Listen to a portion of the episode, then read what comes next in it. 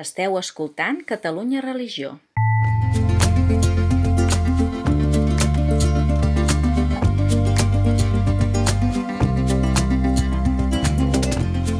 Converses en la frontera, un podcast de Gabriel Jaraba i Xavier Morlans.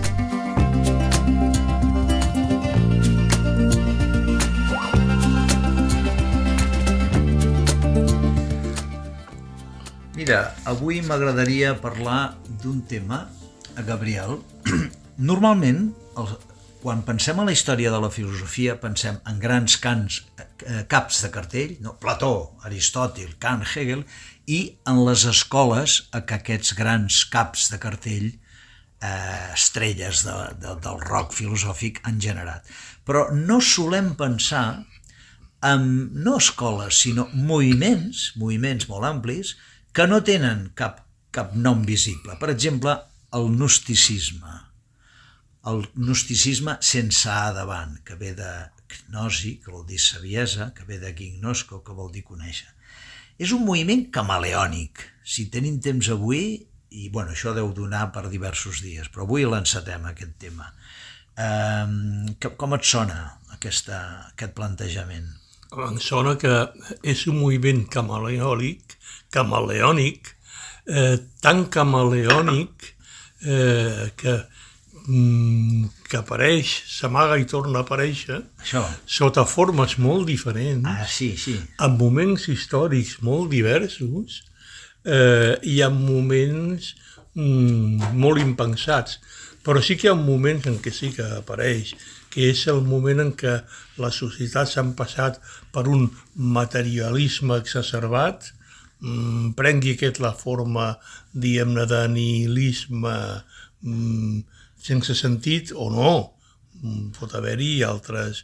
M'imagino com deuria ser el materialisme de l'imperi romà, per exemple, per bé que disfressat amb el culte als déus i tot això, déus amb els quals no hi creia ningú, eh, i el culte dels quals s'ha continuat en forma de supersticions, que la seva, que com la, la paraula vol dir, és una cosa que supersit encara, encara treu el cap, no?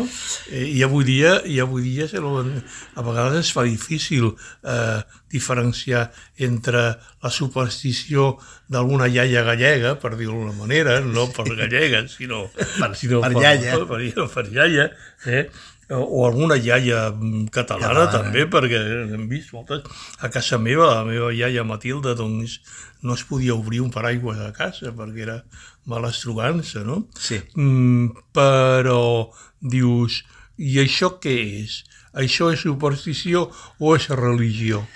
I Mira. dic religió amb tota la mala sombra, Sí, sí, sí. perquè la, el gnosticisme mm, mm, proveeix de manera, si més no aparent, d'una de les característiques de la religió, que és la pertinença o el contacte amb lo sagrat. Mira, si et sembla, i de cara als nostres oients, faig un apunt històric.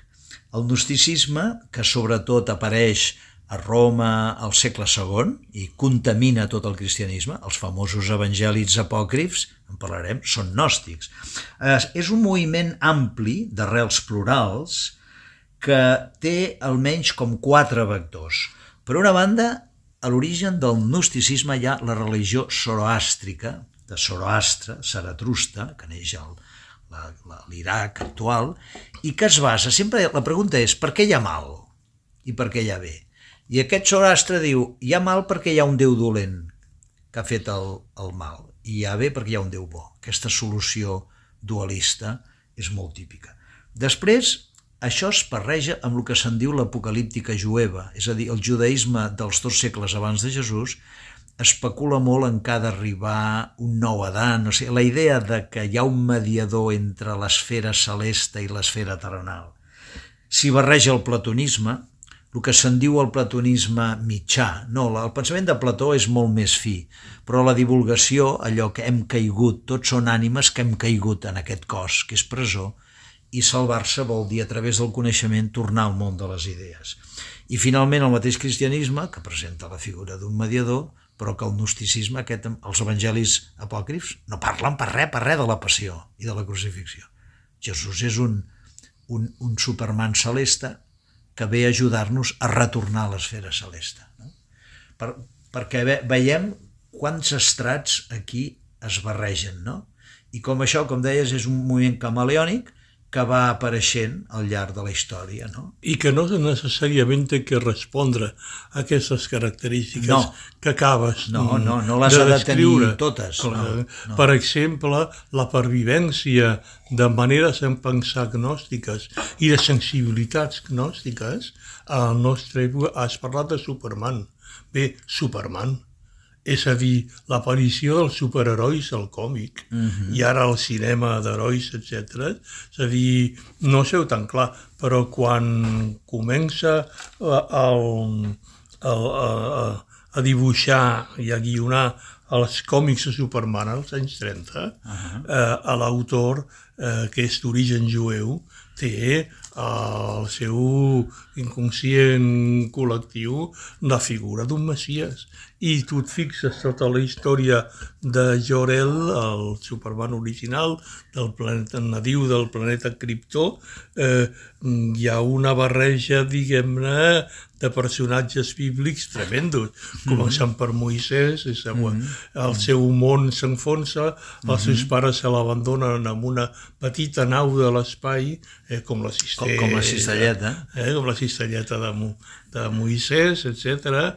Eh, és fill d'un d'un príncep, d'un faraó, mm -hmm. és fill dels grans científics d'aquest mm -hmm. altre planeta inconegut, amagat, que per això se'n diu Krypton, eh, i aleshores el, el d'això eh, és trobat eh, per una família caritativa que l'acull i se la filla com si fos seu, i aleshores viu una adolescència d'una dualitat eh, molt perillosa i molt arriscada. Per una banda, eh, és... Eh, I no que eh, repetim perquè sí la història de Superman, estic dient perquè es vegi com és poderós tot aquest tipus de mm, reflexe de personatges recollit per Joseph Campbell en la seva obra antropològica i, i d'això i reflectit amb, amb, en coses com la Guerra de les Galàxies. Eh, a veure, George Lucas eh, va tirar molt de la biblioteca del senyor Campbell abans de posar-se a escriure els guions de la seva primera trilogia, no? Però el, el, la, la força arquetípica, per dir-ho en un llenguatge de Carl Gustav Jung, d'aquest, de la, de lo, de lo, el personatge celeste, el personatge eh? celeste que ve a rescatar-nos del nostre món material Clar, sí, però que a més a més viu amb uns avatars i amb unes dificultats i amb unes circumstàncies que nosaltres com a humans moderns, perquè tot això és modern, eh, modern de la modernitat, eh, ens fa patxoca. Eh? Ens toca una fibra eh, que és una fibra molt tocable després de la revolució industrial, després de la il·lustració de, i després de què? Després de l'ascens i caiguda del materialisme del segle XIX. Uh -huh. Hi ha un nou gnosticisme que és el que apareix després, junt amb el materialisme del segle XIX, junt i després, i quan aquest materialisme del segle XIX s'enfonsa, apareix amb tot el seu, diguem-ne, esplendor, no? I aleshores, clar, quan tenen èxit els còmics de Superman? A 1934. Eh? Quan hi ha el crack, el crack, hi ha hagut el crack, la gent està ensorrada, Exacte. necessita alliberar-se. Hem d'anar recordant als nostres oïdors que estem parlant del gnosticisme, G, directament, sense la A davant. Si parléssim d'agnosticisme seria el no sé, no contesto. Ara, per dir-ho de forma ràpida, quina és la forma que ha calat en totes les pel·lícules i, i en tot? És que tu i jo, Gabriel, tenim una espurna divina. Tu i jo i tothom tenim una espurna divina perquè nosaltres, saps, ja, ja, ja vivíem al món diví, ja vivíem a l'esfera divina, però vam caure vam tenir la fatalitat, com dius tu, del, del príncep, la princesa caigut. Som prínceps, som, som divins caiguts, som prínceps divins caiguts. I estem caiguts en aquesta realitat pues, d'un crac del 29 I per això o, pensem... o de la crisi Goldman Sachs del 2008 clar, i diem, o la pandèmia. Clar, no? i diem que he hecho yo para merecer esto què he fet jo, però jo no em mereixo no em mereixo aquesta aquesta vida. Per... I llavors, quina és la salvació? La salvació és que aquesta espurna que tu i jo tenim, a base d'uns exercicis mentals de desplegar la consciència, potser a base d'anar a algunes reunions secretes, no, no la missa, que això és per gent vulgar, pel poble senzill, nosaltres eh, eh, aquesta espurna aconseguim que torni a connectar i, i que tornem a l'esfera divina. No? Per això ens interessen molt les religions de tipus hinduístic, hindú i budista, perquè el que proposen d'entrada i de seguida, i a nivell fins i tot de, de paideia immediata, la pràctica de la meditació. I ells diuen, aquí tens una agafarta, eh, i tu practica, medita i practicant eh, continuaràs. El que passa és que els que són honrats i sincers ho diuen, no és la pràctica la que farà de tu. És a dir, en aquest sentit són molt, són molt protestants, eh? No, és, no són el, les obres les que donen el mèrit, no? Sí. I amb això tu trobes ràpidament quines són les escoles, diguem-ne, que en aquest sentit són sincers i els que no. Però sí que tots et diuen, aquí tens un mètode, eh, agafa-t'hi i medita-t'hi perquè aquí tens una pràctica. I, i, potser... I aquí és un perdó, i acabo amb sí. això, i aquí és on el cristianisme s'ha trobat que en la modernitat, a còpia d'anar-se sociologitzant mm -hmm. i a còpia d'anar-se'n, diguem-ne, vulgaritzant amb el, o mimetitzant mm -hmm. entre el món materialista i en les seves mm -hmm. maneres d'actuar, s'ha trobat que mm, ha oblidat on eren on era la seva pròpia paideia, uh -huh. aviat on era la seva pròpia metodologia d'iniciació a la vida espiritual. Jo, jo volia dir que abans de la metodologia, suposo que estaràs d'acord amb això, l'hinduisme el que et proposa és dir, no, és que tu ets, tu ets Atman, no? Tu, tu, tu, tu ets... Bé, hi ha un hinduisme que diferencia més el Déu diferent de la realitat però hi ha un hinduisme que ve a dir que, que tu ets diví, o sigui que l'esperit, l'Atman aquest, és, uh -huh. és, és tothom, no? Per tant, com que tu ja ets diví, necessites una metodologia per reactivar, eh? per, per desvetllar, per encendre aquesta espurna que ja tens. Estem parlant potser amb un llenguatge molt senzill, però bueno, estem fent un podcast per ràdio, no és un seminari d'alta divulgació.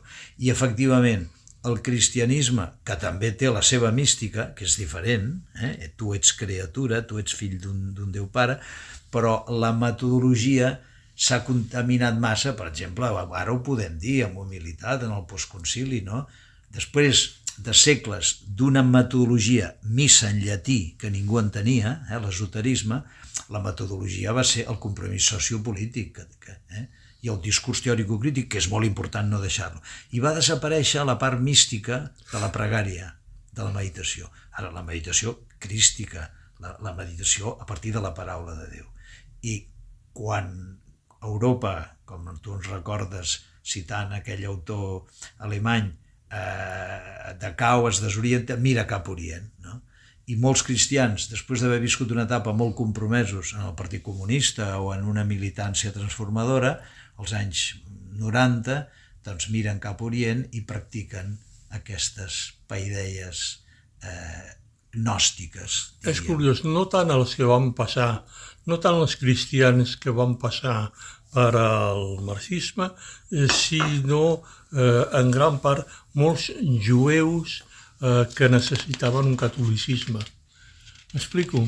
És a dir, un, Mm, moltes persones a la cultura eh, agnòstica, en va, mm, de tipus mm, secular, de tipus il·lustrat, etc., que representaria el populisme, perdó, no el populisme, el, el, el progressisme jueu sí. d'entreguerres, de, sí. eh, però els hi falta aquí un component, diguem-ne, d'un ritual, d'imatgeria, sí. de sensibilitat, sí. i aleshores tota la generació de lames occidentals d'última generació, mmm, alguns d'ells dones, mmm, que venen d'aquest món eh, d'aquest món il·lustrat es converteixen per un, en, en, en aquests personatges com a per fam de lo catòlic. I citaré un nom que l'identificareu, el pare de l'actriu Uma Thurman, Robert Thurman, professor eh, de, a, la a la Universitat de Columna, de Colúmbia, perdó, Columna, Columna és una editorial, és una cosa que aguanta. El, el Bob Thurman, el qual tinc el plaer de conèixer, va ser el primer occidental ordenat com a monjo budista tibetà. Eh, I aleshores és un erudit de, de, de, uh -huh. de tres parells de nassos, uh -huh. és un gran professor, és un personatge, és un activista, mm, quan va començar tot el trumpisme eh, en acció va ser de les persones que va reunir artistes de Hollywood, intel·lectuals, personatges del món social eh, i van fer el moviment Occupy Wall Street de protesta contra el, el capital financer descontrolat, tot això, i ell estava al davant com a professor Bob Thurman, però també mm, com a, com a lama ordenat, laic en aquest, en aquest cas, eh, i, bueno, i tothom el coneix perquè, perquè és el pare de l'Uma Thurman i a més a més és un senyor simpatiquíssim i molt, i molt amable. Però vull dir, és, aquest és el personatge.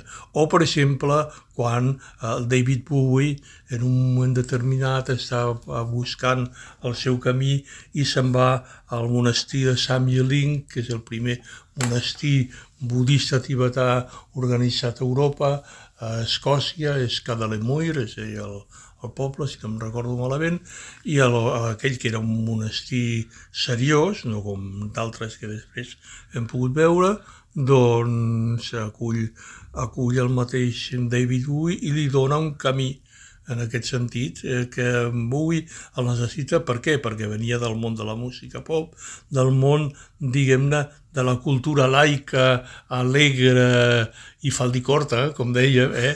el mateix doncs, que el mateix eh, Leonard Cohen, que tampoc no També. venia, diguem-ne, d'aquest cristianisme compromès social, sinó que venia precisament del judaïsme preocupat per la transcendència. Però jo em pregunto, els jueus, que són els que tenen el copyright Exacte.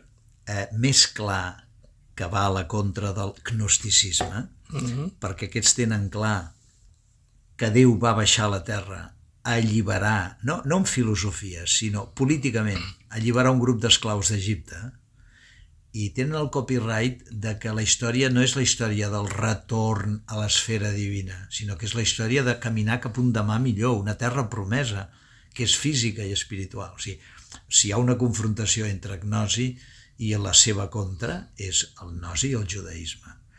Com és que els jueus, tenint tan clar això, tu tens un Charlie Chaplin que fa El gran dictador, pagada per Capital Jueu a l'any 42, quan ja se sap que estan matant jueus, i en el discurs del gran dictador, el Charlie Chaplin, que és aquest jueu que s'assembla al Hitler, i el prenen per Hitler, li donen el micro i fa la gran parrafada pacifista, el moment culminant és quan diu, i cita Lluc 17-21, perquè Déu ja habita dins vostre, que és la gran afirmació gnòstica.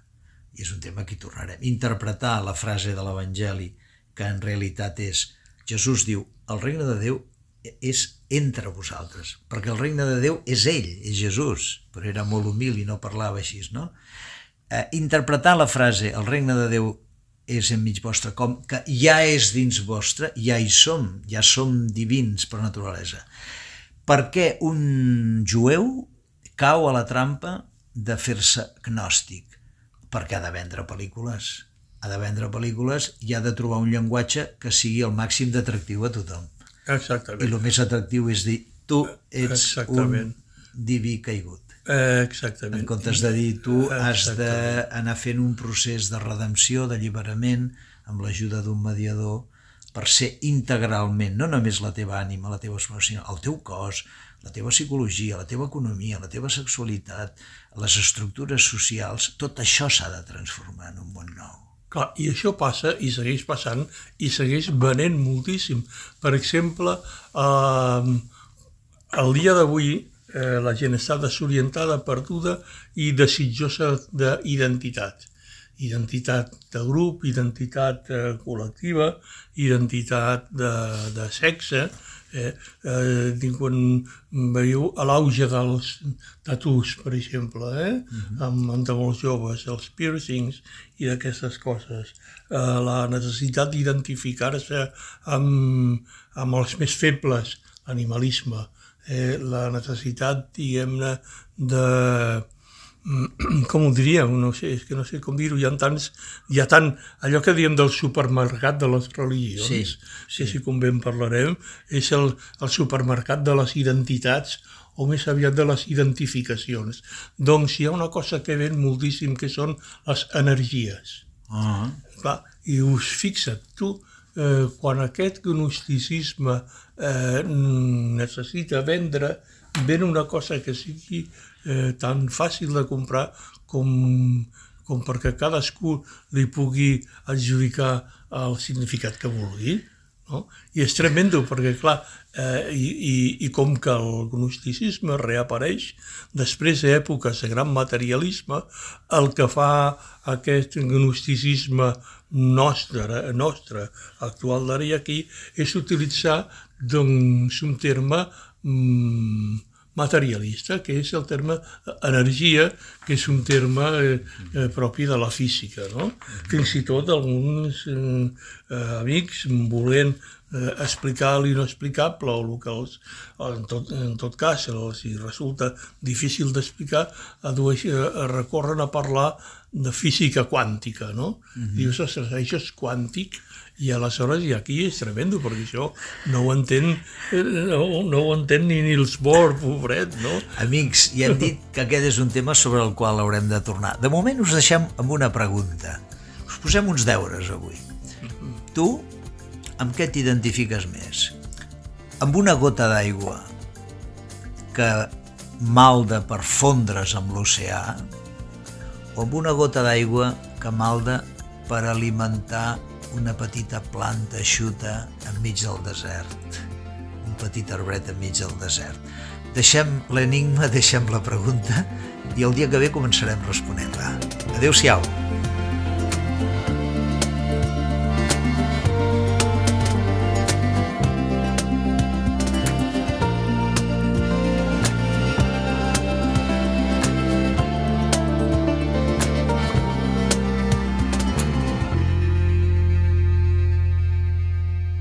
Catalunya religió.